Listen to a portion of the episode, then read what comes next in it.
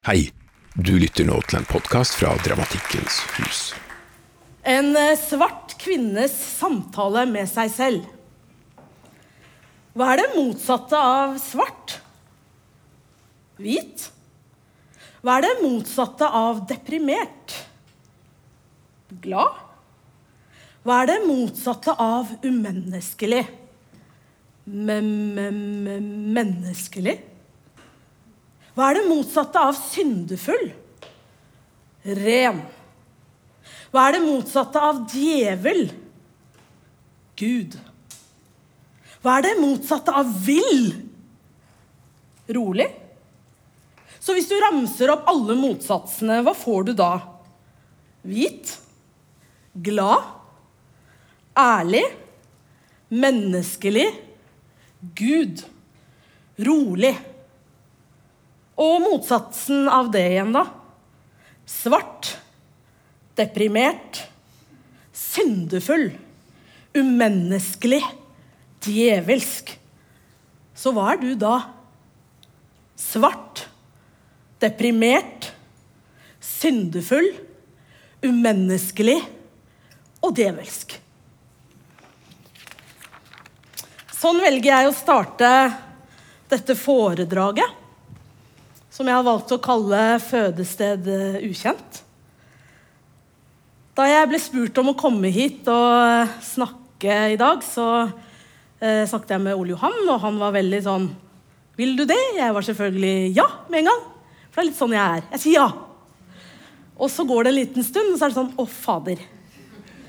Hvorfor sa jeg ja til det der? Og det er fordi jeg, eh, jeg har trua på meg sjøl. Jeg vet at jeg har noe å melde. Men det er disse romma her jeg kommer inn i og får prestasjonsangst. Jeg har holdt på i over 30 år, men den er der allikevel. Og jeg tror den også er der litt fordi den historien jeg skal fortelle om fødested ukjent, handler litt om dette. Hvor hører jeg til? Hvor hører jeg ikke til? Hvem blir jeg sammen med deg? Og hvem blir jeg sammen med andre? Når er jeg trygg? Når er jeg utrygg? Når er jeg på veldig trygg grunn, og når er det det begynner å vakle? Og her i dag så er jeg på ganske trygg grunn, fordi når folk kommer inn, mennesker jeg er glad i, mennesker jeg kjenner, mennesker som kommer og vil høre på meg, da blir jeg tryggere med en gang. For de av dere som kjenner meg, så vet dere jo at jeg er ganske sånn eksplisitt type. Eh, jeg snakker sjelden med innestemme. Eh, jeg har nettopp lest en bok av eh, Ocean Wong som heter 'On Earth We're Briefly Gorgeous'. Og han skriver så stille om de viktige tinga. Men jeg, Hanna, jeg brøler. Og det må også være lov. Det var derfor jeg startet med denne teksten som jeg skrev i forbindelse med da jeg skulle skrive om Hakim. Den kom ikke med, men eh, jeg liker den så godt. Og jeg tenkte at det er fint å starte med noe som er litt sånn djevelsk. Fordi det er sånn jeg eh, verden, går litt rundt i verden og er veldig snill og grei, egentlig. Men innimellom så er jeg ganske djevelsk. Jeg heter Hanna Vosene Kvam, for de av dere som ikke kjenner meg. Til daglig så jobber jeg i Viken fylkeskommune. Og ellers så prøver jeg å skrive og gjøre de tinga som jeg er aller mest glad i. Og det er jo å opptre og å snakke å være foran folk. Jeg hadde to titler. Den første som kom, den kom sånn. 'Fødested ukjent' kom med én gang. Og så kom den andre, og det var 'Det heiter ikke eg nå lenger'. Heretter heiter det 'vi'. Og det er jo fra Haldis Moren Vesaas sitt dikt 'Tungtidstale', som hun skrev under krigen. Og da var Ole Johan litt sånn Ja, kanskje du kan kalle det det, og så liksom begynne å snakke om Haldis Moren Vesaas. For hun er liksom en del av den norske kanon. Og jeg er sånn Fødested ukjent. så det er litt sånn jeg er. Men det var egentlig ikke grunnen at jeg valgte eh, Eller grunnen til at jeg ikke valgte Det heter ikke Egil lenger. Det var, eller det var ikke grunnen var ikke Haldis Moren Vesaas, egentlig. Grunnen var at jeg hørte Erna Solberg bruke det veldig mye under pandemien. Husker dere det? Det heter ikke jeg nå lenger. Da heter det vi. ikke sant? Og det sa hun så ofte. Og jeg har blitt sånn. Jeg har blitt litt sånn forensic i sånn sånn, du vet, sånne amerikanske TV-serier. Og jeg går sånn inn i materien og skal lete på likene hvorfor de er døde. Sant? Fordi jeg blir sånn Hva er dette vi? Sånn blir jeg når du snakker om vi. Hvilket vi er det du snakker om? Er det alle? Eller er det en liten gruppe? Hvem er vi? Og da begynner jeg å plukke fra hverandre. ikke sant? Dissekere. Og jeg er en mangfoldnerd. Jeg er en mangfoldfrik. Og jeg har vært det i mange mange år. Og jeg hører meg ofte selv si sånn Nei, nå skal jeg slutte med dette mangfoldet. Nå skal jeg gjøre noe helt annet. Jeg kunne valgt det i dag òg. Jeg kunne valgt å snakke om noe helt annet. Men dette er en del av mitt DNA. Det følger meg, og jeg klarer ikke å la være. Så derfor blir dette også en del av denne pakka her. Fødested ukjent, det kommer fra eh, at det i 2016 så bestemte Politidirektoratet at de som ikke hadde etnisk norsk bakgrunn, skulle ha fødested ukjent i passet sitt. Og eh, jeg skulle få pass på den tiden. Så jeg syns jo litt synd på damen i den passkontrollen, for å si det sånn. Fordi eh, hun begynte med ja, men du vet at det er nye regler og folkeregister og politier. Jeg bare nei, nei. Jeg går ikke herfra, for jeg vet hvor jeg kommer fra. Jeg går ikke herfra før det står Addis Abeba og Etiopia i mitt pass. Og så sier hun ja, vent litt, vent, blir, kjempe, vent kjempenervøs. Går bak et eller annet sted, kommer tilbake. Å, nå ser jeg at du står i et adopsjonsregister! Og da er det greit. Men egentlig så ble vi gradert til sånn kode 2-land, som er 31 land, som er i Asia og Latin-Amerika og Afrika. Etiopia var et av de.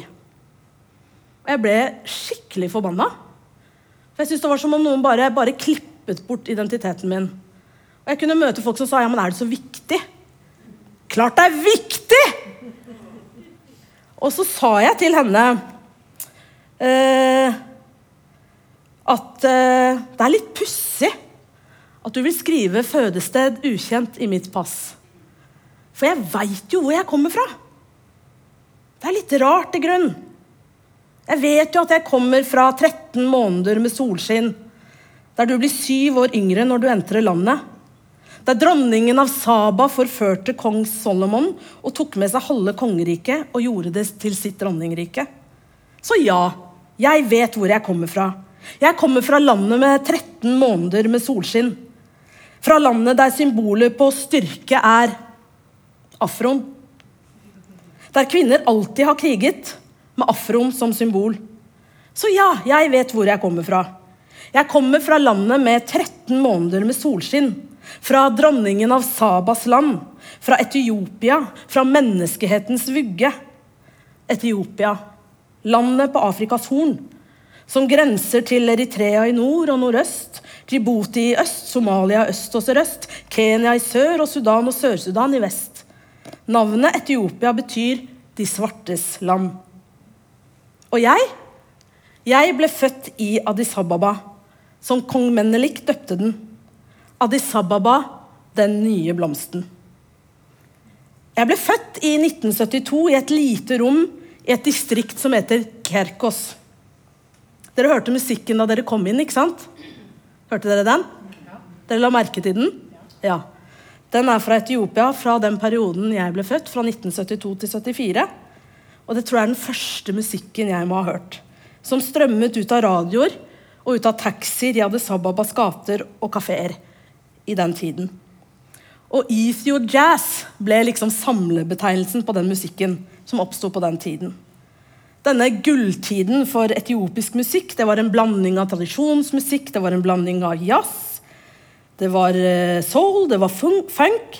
Der musikere som Alemayo Eshete, Tilang Sesse, Mahmoud Ahmed og Molato Astatke, som nå er en verdenskjent og ganske så norgesvenn. Eh, han har vært her mange ganger. Og han skrev musikken til Broken Flowers, regissert av Jim Jarmers, som, brukte, som brukte syv av sangene hans. Og nå kan du også høre musikken hans i serien The Beer, når en av kokkene besøker Danmark for å bli best på desserter. Men jeg, jeg ble født inn i kaos. I årene 1972-74 ble Etiopia hjemsøkt av en alvorlig tørke som krevde om lag 200 000 menneskeliv. Først og fremst i landsbyen, eller byen mine, foreldre kom fra, Wollo og Tigrei. Og da jeg dro tilbake til Etiopia i 1996 og 2002, fikk jeg vite at store deler av slekten døde i den tørken. Også i 1984. Og Keiser Haile Selassie han prøvde å holde omfanget av sultkatastrofen skjult. Både for landet og egne innbyggere og for omverdenen. Og I dette kaoset døde min mor, og min far valgte å adoptere meg for å redde mitt liv. Jeg ble adoptert til Oslo, inn i en familie der den klassiske musikken regjerte. Så fra easy og jazz til Bach. Med en far som var kirkemusiker, med Bach som største forbilde, og en mor som sang i koret min far dirigerte, vokste jeg opp med store, klassiske konserter. Verdenskjente solister, masse orgelmusikk, utrolig mange kjedelige prekener og kormusikk. Men det som var så fint med de kjedelige prekenene, var at min far tok det litt på alvor at jeg syntes det var kjedelig. Men jeg tror han syntes det var greit at jeg var i kirka. Så han sa det du kan gjøre, er å bare se opp i taket. For der er det så mange fine malerier. I Oslo domkirke, bare se opp i taket der. Utrolig mye fine malerier. Og jeg tror det var der jeg begynte å dikte sånn ordentlig. Det var der jeg fant ut at Å, der var Meshak. Meshak hun satt på min høyre skulder. Og Meshak hun var feit. Meshak var kul, og Meshak sa masse gøye ting i øret mitt hele tiden. Og så hadde du Samia, å, som fløy blant englene der. Samia var streng, sur, fortalte meg at ikke var bra. Og så begynte de to å krangle. Og så prøvde se, prøvde jeg å finne ut hvem er det som vinner nå. ikke sant? Og Meshak og Samia har egentlig fulgt meg gjennom livet. De er sånn, hmm, ok, Hva sier den nå? Hmm, hva sier den nå? Og så ser jeg opp i et hvilket som helst tak og kan liksom se for meg hvordan det er i kirketaket når jeg drømte om alle disse rare figurene. Det var ikke så veldig kresteleg, det jeg eh, diktet opp. Men jeg syntes det var innmari gøy, og da slapp jeg høre på presten. Så det var greit. Um, mine foreldre de vokste opp i India. Og deres foreldre igjen, mine besteforeldre, var misjonærer. Og jeg hørte ofte bestefar synge sanger fra India, og så hvordan han drømte seg bort når han gjorde det. Han hadde med seg en stor sitar fra India, og han spilte på den. Men det jeg syntes var aller vakrest, var når han resiterte Tagore på originalspråket. Og var det ett dikt han kunne på rams, så var det Josef Rudyard Kiplings dikt 'Gungadin'. Kipling var som sikkert mange vet, en britisk forfatter og nobelprisvinner i litteratur, som skrev romaner, noveller, dikt og barnebøker. Ofte så skildret han britiske soldater og borgere i India i det britiske imperiets tid. Og Blant hans mest kjente verk er Jungelboken og diktene If og The White Man's Burden.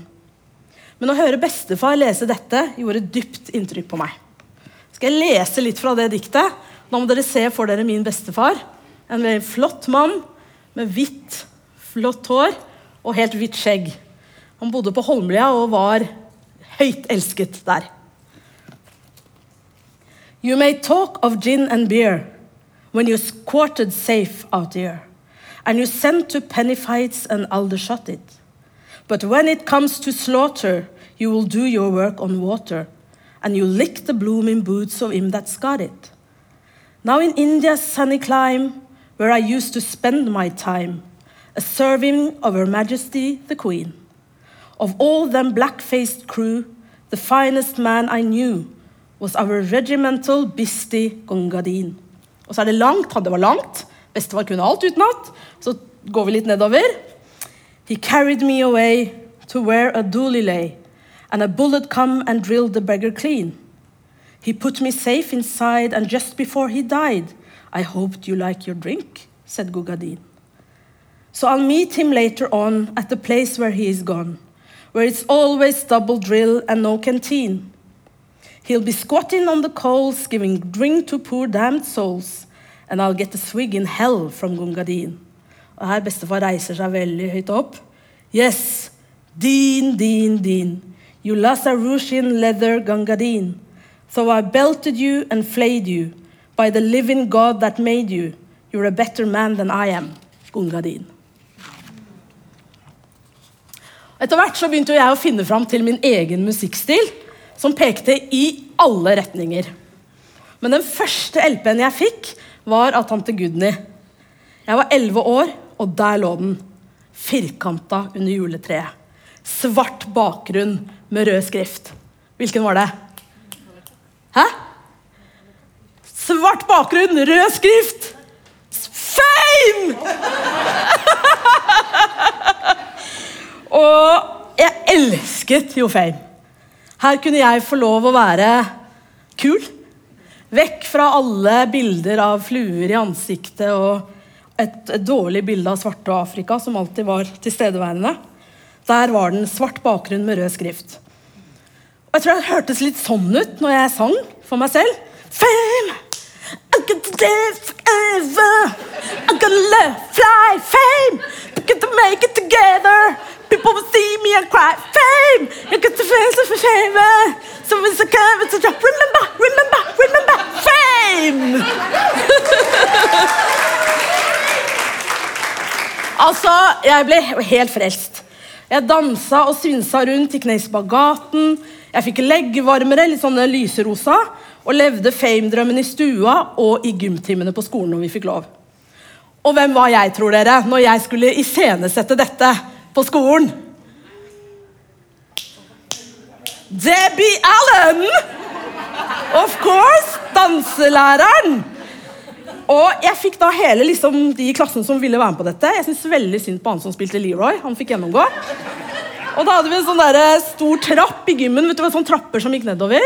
Og så lata vi som at de der kassene i gymmen, de fæle kassene, det var liksom New Yorks gater. Og, og, og liksom sånn biler og sånn. Og så hadde jeg så lyst til å prøve å få sånn røyk vet du, som kom fra brannhydrantene i New York. Men det gikk ikke. Da sa læreren nei. Og så holdt vi på, da. Og jeg var sånn Lydia Grant, danselæreren som var da Debbie Allen. Fame! Cost! And right here is where you start paying. In sweat. I want to see sweat. I want to see sweat. And the better you are, the more sweat I'm going to demand.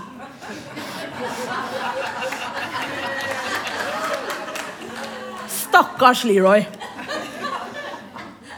Jeg var gal, men det var deilig. Men før det, før Fame-basillen tok meg, så spilte jeg alle slags roller. Gjennom hele min oppvekst og skolegang har jeg vært, vært velsigna med familie som har latt oss få opptre. Jeg har vært velsigna med lærere som har vært opptatt av litteratur og teater og det skrivende mennesket. Og jeg grabba alt med begge hender. Den første teateropptredenen jeg husker, var i den jeg alltid har trodd het Øyvind og Bukken. Men den heter En glad gutt. Av Bjørnstjerne Bjørnson. Og hvem tror dere jeg var? Øyvind! Jeg var ikke Bukken, jeg var ikke bukken, hvis noen trodde det. Jeg var heller ikke Marit som dukker opp. Det er litt artig at jeg var, var han gutten. Skal jeg lese litt fra det, nå skal jeg liksom leve meg inn i det. Så må dere se det for dere meg som sånn niåring. Og som er Øyvind, da. Øyvind hette han, og gråt da han ble født. Men alt han satt oppreist på morens fang, lo han. Ha-ha-ha! Og når de tente lys om kvelden, lo han så det sang. Ha-ha-ha! Men gråt når han ikke fikk komme bort til det. Av den gutten må det bli noe rart, sa moren. Der hvor han ble født, hang der bare berg utover. Men det var ikke høyt. Furu og bjerg så ned, heggen strødde blomster på taket. Men oppe på taket gikk en liten bukk, som Øyvind åtte. Den skulle gå der for ikke å tulle seg vekk, og Øyvind bar løv og gress opp til den. En vakker dag hoppet bukken over og bort i berget. Den gikk ende opp og kom dit den aldri hadde vært før. Øyvind, ikke, Øyvind så ikke bukken da han kom ut etter noen, og tenkte straks på reven.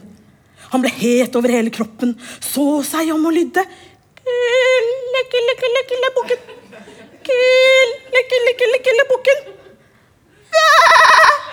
sa bukken oppe på bærekanten, la hodet på skakke og så ned. Men ved siden av bukken lå en liten jente på kne. Er den din, den bukken? spurte hun. Øyvind sto med åpen munn og øyne og stakk begge hender i den kjolebuksen han bar. Hvem er du? spurte han. Jeg er Marit. Mor sin unge, felen til far, huldra i huset, datterdatter til Olav Norestuen på Heigårdene, fire år til høsten, to dager etter frostnettene, jeg. Er du det, du? sa han og drog pusten. For han hadde ikke turt å slippe den så lenge hun talte. Det kan se dere litt for meg, ikke sant? Med sånn caps og seler og hele pakka. Men jeg har også spilt en yndig liten pike i Wildenweis sitt dikt ha, 'I haven vandrer en prestemann'. I haven vandrer en prestemann, han tenker alvorlig på Gud. Da tripper lett over gangen sand en søt liten sommerens brud. Og presten slår øynene opp og ser at piken er såre skjønn. Barn, sier presten. Se, presten ber, og du forstyrrer hans bønn. Jeg var på vei til min elskede, jeg, sier piken med senket blikk. Jeg tenkte på ham, og jeg så deg ikke. Og da er det da underlig rart av deg, som tenkte på Gud, at du så meg. ok, sånn holdt jeg på, dere. Jeg spilte alle mulige roller. På barneskolen, på ungdomsskolen og på videregående. Jeg brydde meg egentlig ikke så mye om andre fag. Jeg, jeg var veldig opptatt av det muntlige. Matte og sånn var helt fryktelig. Men jeg var veldig opptatt av å kunne snakke. og opptre og være til stede. Eh, valgfag litteratur på videregående ble en skikkelig øyeåpner for meg. Inntil da hadde jeg jo lest mye norsk litteratur. Jeg fora godt med bøker hjemmefra. Det var Herbjørg Wassmo med 'Huset med den blinde glassveranda', Dinas bok. Det var Sigrid Undsets, Kristin Lavransdatter, Torborg Nedreås, 'Av måneskinn gror det ingenting', og 'Musikk fra en blå brønn'. Det var Stein Meren, det var Haldis Moren Vesaas. Og da jeg var elleve år, så fikk jeg boka 'Åndenes hus' av storebroren min. Og det å bli dratt inn i Isabella Gjendes fantastiske verden av overnaturlighet og magisk, magiske hendelser, fortalt på en så selvfølgelig og hverdagslig måte, var helt vidunderlig. Jeg elska det. Og da når læreren min, noen år senere, da da jeg var 16, i valgfag litteratur bare kom med den ene fantastiske afrikanske forfatteren etter den andre det var Ngugi wa Tiongo, det var Chino Achebe, det var Wolle Soyinka, det var Titsi Dembarenga. Det var alle disse store afrikanske forfatterne jeg aldri hadde hørt om før. Og jeg syntes det var helt vidunderlig å dykke inn i verdenene deres og få lov å være med på den reisen der. Det var kanskje Ben Okri, nigeriansk forfatter, som traff meg mest. Jeg har lyst til å lese en liten bit fra 'Birds of Heaven'. Det er to essays som, som fokuserer på Okris, Ben Okris liksom, hovedtemaer. Og det er ordets makt og rollen til det skrivende mennesket og historieforteller i en tid i endring. We began before words, and we will end beyond them. It sometimes seems to me that our days are poisoned with too many words. Words said and not meant. Words said and meant. Words divorced from feeling. Wounding words. Words that conceal. Words that reduce. Dead words. Jeg forteller dere dette fordi det henger så sammen med liksom hele alt jeg har opplevd. Sånn som når vi begynte å kjempe for å ikke bli kalt N-ordet, f.eks., så var denne teksten som hjalp meg når det ble hardt. Dead words. Og så spoler jeg litt fram og oppdaget Tony Morrison. Oh my goodness. Tony Morrison. Jeg har tenkt når jeg blir 60, så skal jeg få dreadlocks som henne. Hvite dreadlocks. Vi får se hvordan det blir. Jeg har lyst til å lese, Det er et, et, lite stykke, men det betyr så mye for meg. akkurat den teksten her har betydd så mye for meg i skrivingen min. Og Det er fra The Bluest Eye. Og Den handler om internalisert rasisme. Den handler om mangel på empati og voldtekt. It had occurred to Pecola some time ago that if her eyes, those eyes that held the pictures and knew the sights, if those eyes of hers were different, that is to say, beautiful, she herself would be different. Her, her teeth were good, and at least her nose was not big and flat like some of those who were thought so cute. If she looked different, beautiful, maybe Cholly would be different, and Mrs. Breedlove too. Maybe they say, Why, look at pretty eyed Pecola. We mustn't do bad things in front of those pretty eyes. Pretty eyes, pretty blue eyes, big blue pretty eyes. Run, Jip, run. Jip runs, Alice runs. Alice has blue eyes. Jerry has blue eyes. Jerry runs. Alice runs. They run with their blue eyes. Four blue eyes. Four pretty blue eyes. Blue sky eyes. Blue like Mrs. Forrest blue blouse eyes. Morning glory blue eyes. Alice and Jerry blue storybook eyes. Each night, without fail, she prayed for blue eyes. Fervently for a year she had prayed. Although somewhat discouraged, she was not without hope. To have something as wonderful as that happen would take a long, long time. Thrown in this way into the binding conviction that only a miracle, miracle could relieve her, she would never know her beauty. She would see only what there was to see the eyes of other people. Og så har hun i den teksten, den, sta- eller den boka den starter med at hun beskriver et hus som er grønt og hvitt. Og det har en rød dør, og det er veldig vakkert. Og det som skjer er at Hun skriver den teksten helt sånn riktig flere ganger i starten. Og så begynner hun å skrive uten punktum. Liksom sånn det bare går, Jeg vet ikke om dere ser det, da, men det går liksom i en sånn endeløs rekke. Jeg har lyst til å prøve å lese det sånn som jeg tenker meg at hun har sittet og tenkt det når hun skrev det. Og som også henger sammen med min slampoesiverden. Jeg prøver. Dette er litt sånn å jogge.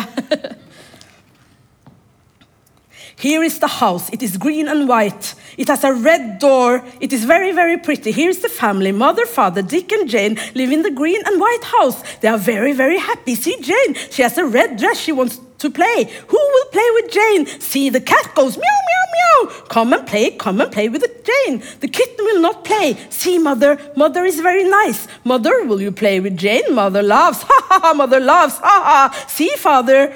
He's big and strong. Father, will you play with Jane? Father is smiling. Smile, father, smile. See the dog. Woo, woo, woo, woo. What's the dog? You want to play? Do you want to play with Jane? See the dog run, run, go and run. Look, look, here comes, here comes a friend. The friend will play with Jane. They will play a good game. Play, Jane, play!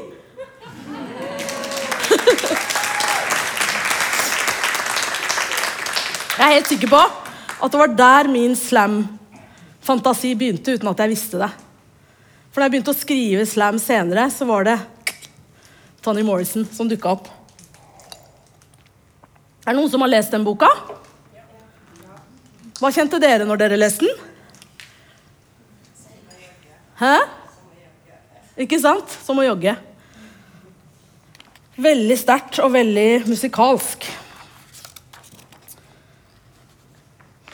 Så kommer vi til som 92-93, hvor jeg skulle komme inn på Teaterhøgskolen. Selvfølgelig skulle jeg det.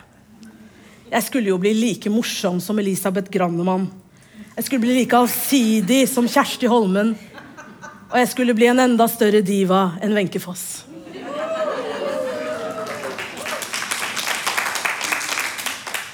Og det gikk jo ganske dårlig. Men jeg var helt overbevist, og vi som gikk på videregående, vi gikk på Nissen, alle vi trodde jo at vi skulle komme inn og bli store stjerner. Det var jo ikke noe annet som skulle skje. Så når jeg da trapper opp på Teaterhøgskolen, så er jo jeg full av selvtillit og, og, og lyst. Jeg husker jeg øver som bare det, og jeg går og leser hos Annike von der Lippe, og jeg er helt sprø. Og jeg eh, valgte Tsjekhov Måken, tror jeg, første gang. Og så var det litt forskjellige ting etter hvert, men jeg kom ganske langt. Og den tredje gangen så kom jeg faktisk til, til, til tredje runde, da. Og det var jo spennende. Men da eh, ble jeg innkalt etterpå ble jeg innkalt til et sånn type intervju de hadde, som jeg trodde de hadde for alle. da. Eh, og da ble jeg spurt hvilke roller jeg så meg selv i. Nei. Alt, sa jeg. Og de sånn, ja men, ja, men hva ser du liksom for deg? Og jeg var sånn Nora? Hedda? Jeg prøvde meg, ikke sant? Og så skjønte jeg at de var ikke helt tilfredsstilt. Og så spurte de meg hva, om jeg, hva jeg kjente til norsk teaterhistorie. Og jeg var sånn Ibsen, liksom? Altså, Jeg ble helt satt ut. Jeg klarte ikke. Men sånn som nå i retrospektiv skulle ønske jeg kunne sagt sånn Ja, men jeg har jo spilt Øyvind i Øyvind og Bukken! Jeg har jo vært yndig pike i, i Herman Wildenveis hage! Jeg har jo, jeg har jo jeg har vært alle rollene i Per Gynt! Altså, jeg, bare, jeg har gjort alt! Alt! Alt! Skulle ønske jeg kunne sagt til de da. Men jeg ble helt stum. Og så kom jeg ut til de andre som hadde også vært på audition. da, Så sa jeg hva svarte dere på de spørsmål, spørsmålene? Hva tror du de svarte? De fikk ikke de spørsmålene. De hadde ikke engang vært inne til et intervju på den måten. Og jeg husker det øyeblikket der. Det var sånn For jeg har vært, jeg har vært så skåna for den type ting. Jeg har fått spille ut ting. Jeg har alltid gjort egentlig det at Jeg har vært veldig privilegert, vil jeg si. Og plutselig så slo det meg. Det var sånn lyn. Liksom sånn Nå begynner det. Og jeg husker det begynte å brenne sånn langt inni her. En slags flamme som bare Og den har vært der siden. Fordi det var et sånt det var, så, det var så ekstremt vondt å kjenne på at det skal virkelig denne drømmen Jeg trodde jo selvfølgelig teaterskolen var det eneste som var. ikke sant? Og jeg trodde at det var det eneste jeg kunne gjøre akkurat der og da. Så jeg tenkte nå er det over. Fordi denne huden her, den kan jeg jo ikke gjøre noe med. Jeg kan gjøre noe med alt annet, men huden min kan jeg ikke gjøre noe med. Og Jeg husker jeg bare gikk helt sånn i en sånn tåke og skjønte at her kommer jo ikke jeg inn. Og jeg husker jeg møtte en som hadde gikk førsteåret.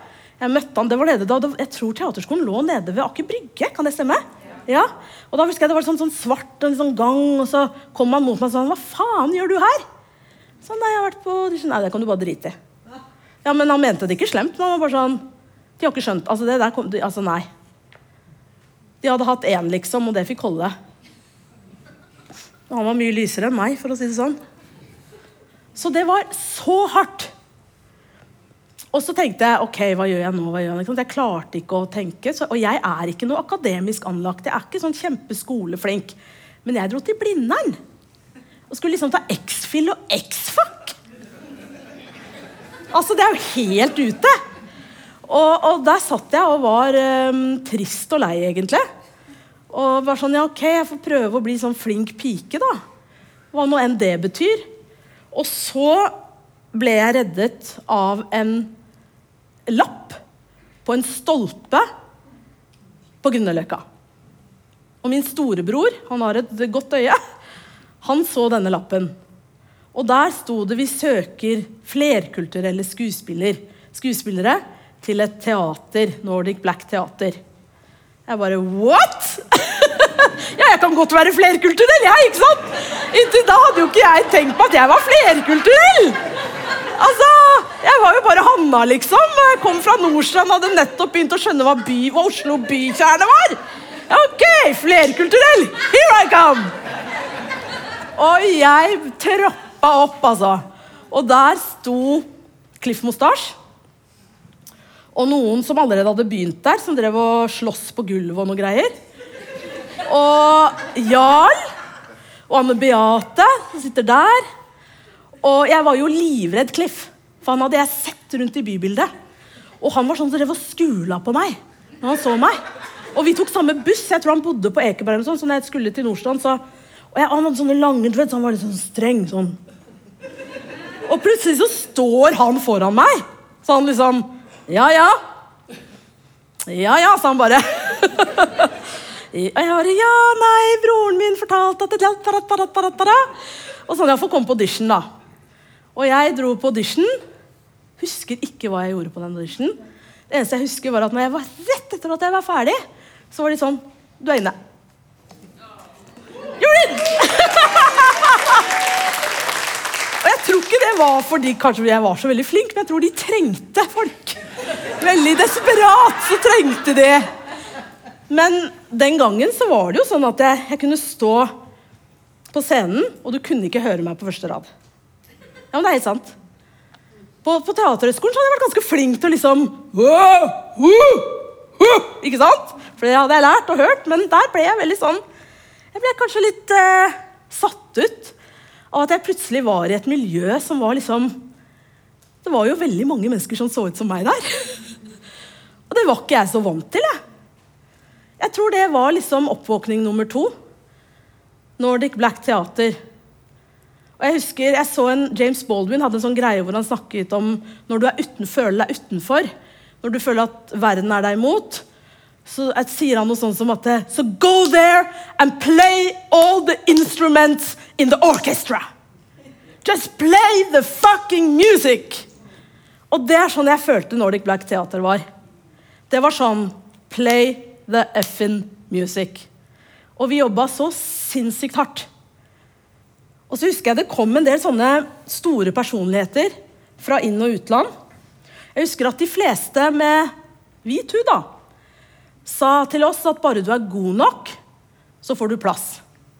Bare du viser at du er god, at du liksom jobber hardt, så, så er det ikke noe problem.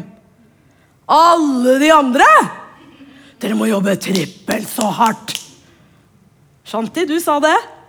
Eh, Khalid sa det. Cliff sa det. Det var sånn, Dere må jobbe på, for dere er ikke velkomne. Dere må vise dere? Dere må vise dere trippelt så bra. Og hva minner det om? Famecast!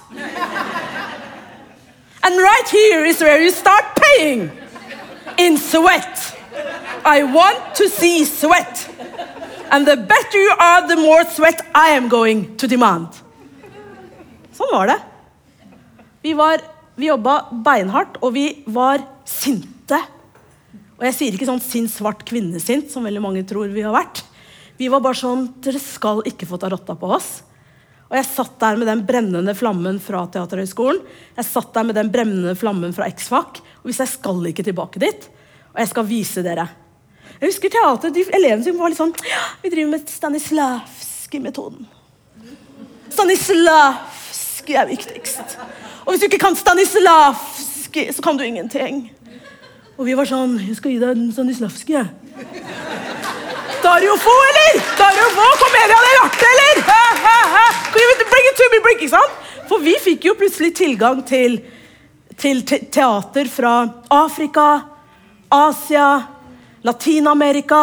Rocco Petrussi kom fra den chilenske ikke sant? politiske. Han flykta jo derfra. Tror du ikke han fora oss med alt mulig som var viktig? Og vi lærte hvordan vi skulle bli stødige sterke mennesker fordi vi ville aldri overlevd ellers. Vi ville aldri overlevd ellers. Og det er helt sant. Jeg merker jo nå når jeg er i rommet jeg er i, at jeg tåler ganske mye. Og folk kan skvette litt liksom sånn. Men jeg bare Nei, men dette er jo ingenting. Fordi vi har fått en ekstrem grunnmur. Og jeg husker vi spilte Volles og Jinka, som jeg da hadde fått fra videregående. Vi spilte selvfølgelig, så Jeg var også skjønne Hermia i En midtsommernattsdrøm, liksom. Men det var alle disse spennende historiene hvor vi fikk lov å utfolde oss. Og så var det en annen ting jeg merket meg. at det var liksom Vi fikk liksom ikke helt lov til å feile. Alle de som ikke så ut som oss, de fikk lov til å prøve å feile veldig mye. Men hvis vi gjorde noe litt som var litt utafor, ikke var så bra, som man jo skal få lov til når man går på en skole, så var det liksom sånn Vi er ikke gode nok. Og vi fikk stadig høre sånn Dere tilhører ikke. Men vi var jo veldig uredde. Og vi jobba som sagt trippelt så hardt. Og ut ifra liksom den Nordic Black Theater-verdenen så ble jeg kjent med så, så, jobbet vi da med et teatergruppe som het Sirenene. Der Kate Pendry skrev tekster, og vi spilte. Den første var Lilith, den første kvinne, den første vampyr. Den andre var Aeroporto Purco, grisenes flyplass. Og det var med den nå skal jeg skryte skikkelig her, for det har satt seg fast. Og det var med den Jeg fikk en sånn skikkelig god tilbakemelding i Aftenposten av selveste Hans Rosiné. Og Hans Rosiné han var frykta, for han slakta liksom alt. Og han skrev veldig mye stygt om alle. Men her står det. Han sa mye rart om forestillingen. Og så sier han forestillingen hadde riktignok noen satiriske lyspunkt og en særdeles talentfull farget skuespiller ved navn Hanna Vosene Kvam. Vent, vent, vent. Som norsk teater bør merke seg.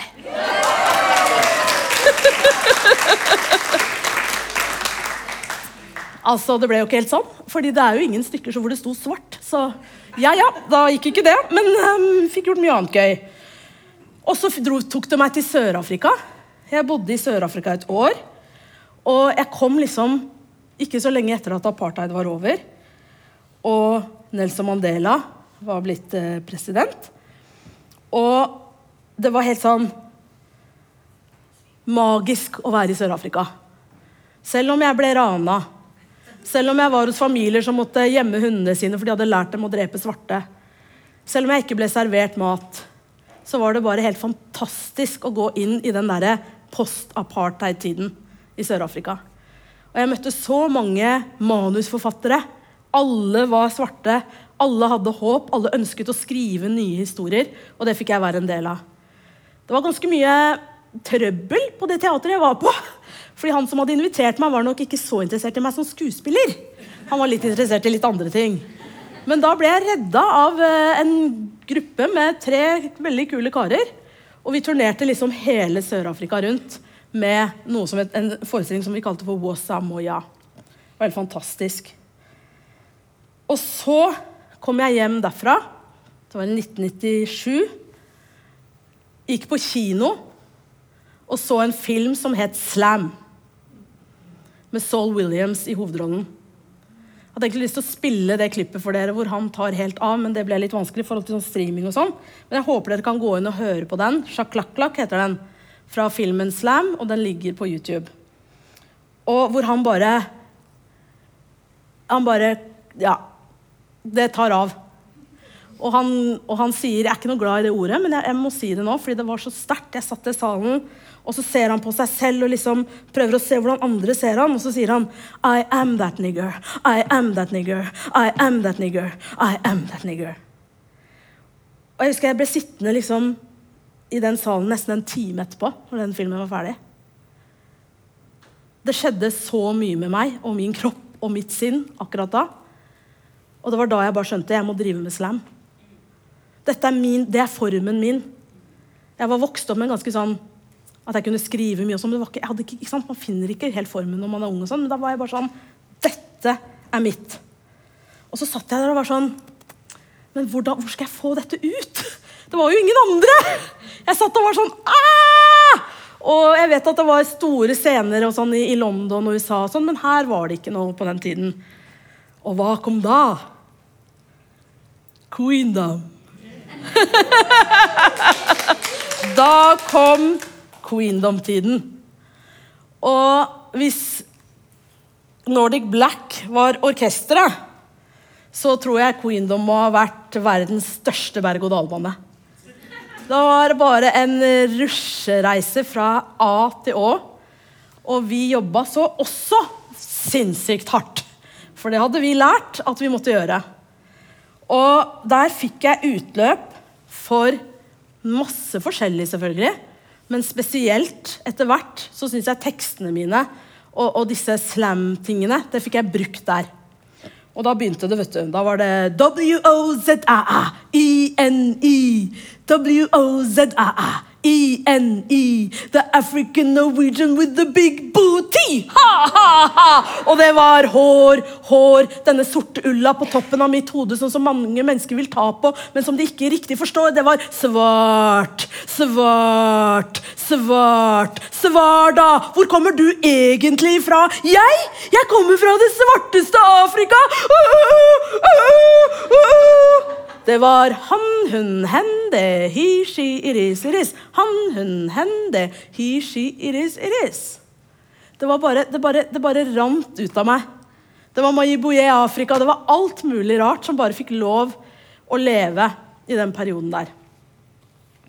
Og den tiden er liksom den som virkelig har definert meg aller mest. Hvor vi kunne få lov å være dronninger i vårt eget univers. Og hvor vi også kunne få lov til å være de første som satte agendaen. Vi var det. Og noen kan liksom si sånn Ja, ja, det begynner å bli en stund. Nei, nei. Nei, nei. Ingen viper Queendom ut av historien, for å si det sånn. Og Queendom lever i beste velgående og gjør bra ting. Men i 2014 så Noen tror sikkert at jeg ble lei av de andre dronningene. At vi kanskje krangla, at det var noe sånt. Nei, nei, nei. Vet du hva jeg ble lei av? Meg selv. Og det er veldig lett å bli lei av andre. Når du blir lei av deg selv, er en annen historie. Når du ser deg selv utenfra og går sånn. Da er det ikke noe bra lenger. Så jeg måtte rett og slett bare si den tiden er forbi for meg. Og det ble 14 fantastiske år. Og hvis du adder da Nordic Black Theater, så blir det plutselig 17-18 år. Hvis du adder frigruppa vår, så blir det 21 år. Og here we go. Ikke sant? Og jeg bare trengte rett og slett å fjerne meg fra alt. Jeg trengte å se på meg selv med nye briller, med nytt blikk. Jeg måtte gjøre noe helt annet. Så da begynte jeg i Kirkens Bymisjon først. Fortsatte i fylkeskommunen. Og jeg kan jo møte folk som er sånn Hvorfor, hvorfor, hvorfor? Dere har hørt den Karpe-låta? ikke sant? Hvor du spør sånn Hvorfor går du om å spise Malban? Hvorfor må du ta opp fem, oppi fem teskjeer? Hvorfor går du ut av blokka så sjelden? Hvorfor tror Du at alt dette, Du får masse sånne spørsmål hele tiden. Og det har jeg opplevd mye. at folk er sånn Hvorfor sitter du i den fylkeskommunen? og Hvorfor driver du med det? og Hvorfor står ikke du på scenen? Og, og da kommer jeg inn på det som jeg tenker kanskje er noe av det viktigste som skjer i vår tid. da.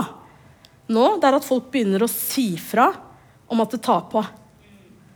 Det tar på å stå i en kamp. Det tar på å stå på barrikadene.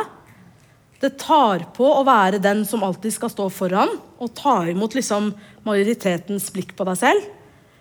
Um, psykologisk så er det kjempetøft. Og det har, jeg har aldri turt å se på det på den måten før nye stemmer har kommet inn som sier mye om disse tinga her. Som snakker om den, at det er personlig, at rasismen preger hele livet ditt. Og den preger deg egentlig alt det du gjør. Men så må du allikevel være den sterke personen. Du må være den som får det til. Du må være den som sier ifra. Og så kan man si sånn Ja, men du velger det jo selv. Nei. Jeg er ikke helt enig, fordi det treffer oss hele tiden. Hvilke rom vi kommer inn i. Rom, Det er sånn fremdeles i dag. Se på de der sorte gutter gråter ikke nå. Hva handler det om? Det handler om at de orker ikke det etablerte mer. De slutter på teaterskolen. Alle unge svarte menn jeg har møtt som går på teaterhøgskolen nå, de sier de, de synes det er fryktelig. Så det har endret seg noe. Men det er som eh, Angela Davies sier, det går så fort, og det går så innmari sakte. Og det er der jeg står nå. Ikke sant? Nå har jeg gått gjennom alle mulige inspirasjoner jeg har hatt. Jeg har fortalt dere litt om alle mine tekstlige krumspring og hvilke forestillinger jeg har holdt på med. Og sånt nå. Og nå er jeg der hvor jeg liksom Jeg skrev eh, Abdullah tilnærmet lik Hakim. Så var jeg sånn Å, det var deilig å få gjøre det. Men det er ikke noe jeg må sant, gjøre hele tiden eller liksom lei meg for at det ikke skjer. Altså sånn, Nei, det var det. Det var en god erfaring. Jeg var med i samtale med bror. Eh, skrevet av Kamara Lundestad Joff. Det var sterk opplevelse å få gå inn i hennes tekst. Men det jeg husker også fra den perioden der, det var jo at alle i ensemblet var sånn Hvis vi driter oss ut, så er det kjørt. Ikke sant? Du har den over deg hele tiden. Og jeg tenkte shit, sier man det 20 år etterpå også? Ikke sant? Jeg trodde faktisk at de, de skulle slippe. Jeg trodde at de som er 15 år yngre enn meg, skulle slippe, men vi sier det alle sammen. Vi må være på topp. Og selv om du er på topp, så er det ikke sikkert du får den plassen du fortjener. Og Derfor er det så deilig at jeg nå kan liksom ha min egen plass i de romma jeg går i. Og skrive, det gjør jeg alltid. Og så får man bare se liksom hvor, det, hvor det popper ut. Og så er jeg meg i Viken fylkeskommune og trives også veldig godt med det. For der kan jeg brack it off behøver ikke å være i det hele tiden. Det fins faktisk en dør jeg kan gå inn og lukke, liksom. Så med det så har jeg bare lyst til å avslutte med Nå er jeg 50, liksom! Nå! That's, that's the shit! Og da fant jeg dette nydelige diktet fra Velsignede dottera, oppdratt av ei stemme i hovedet, av Washan Shire, som er oversatt av Kamara Lunde Sayuf og Kristina Leganger. Eh, Og den fikk jeg faktisk av Anna, tantebarnet mitt, som er her et eller annet sted. Der var du. Og det er et dikt som jeg elsker i denne boka, som jeg skal avslutte med. Velsigne Grace Jones. Heilage mor for deg som blir sett på som trugande. Vernehelgen for deg utilnærmelege. Frelseren for deg som blir bedende om å dempe uttrykket sitt. Vår frue av ubehagelige stillheter, Dame Grace Jones. Døtrene dine, faen ta insomnia, insomniaen deira, vrir seg i drømmelaus søvn. En hærskare av kvinner som kvepp til av berøring. Gi deg styrke. Monark av det siste ordet. Yndling av det mørke, heva augebrynet. Vi velsigner deg, dronninga av det skarpe blikket. Vi legger byrdene våre for dine føtter, forsiktig for ikke tynge deg. Fra deg lærer vi å sette oss sjøl først. Peace out!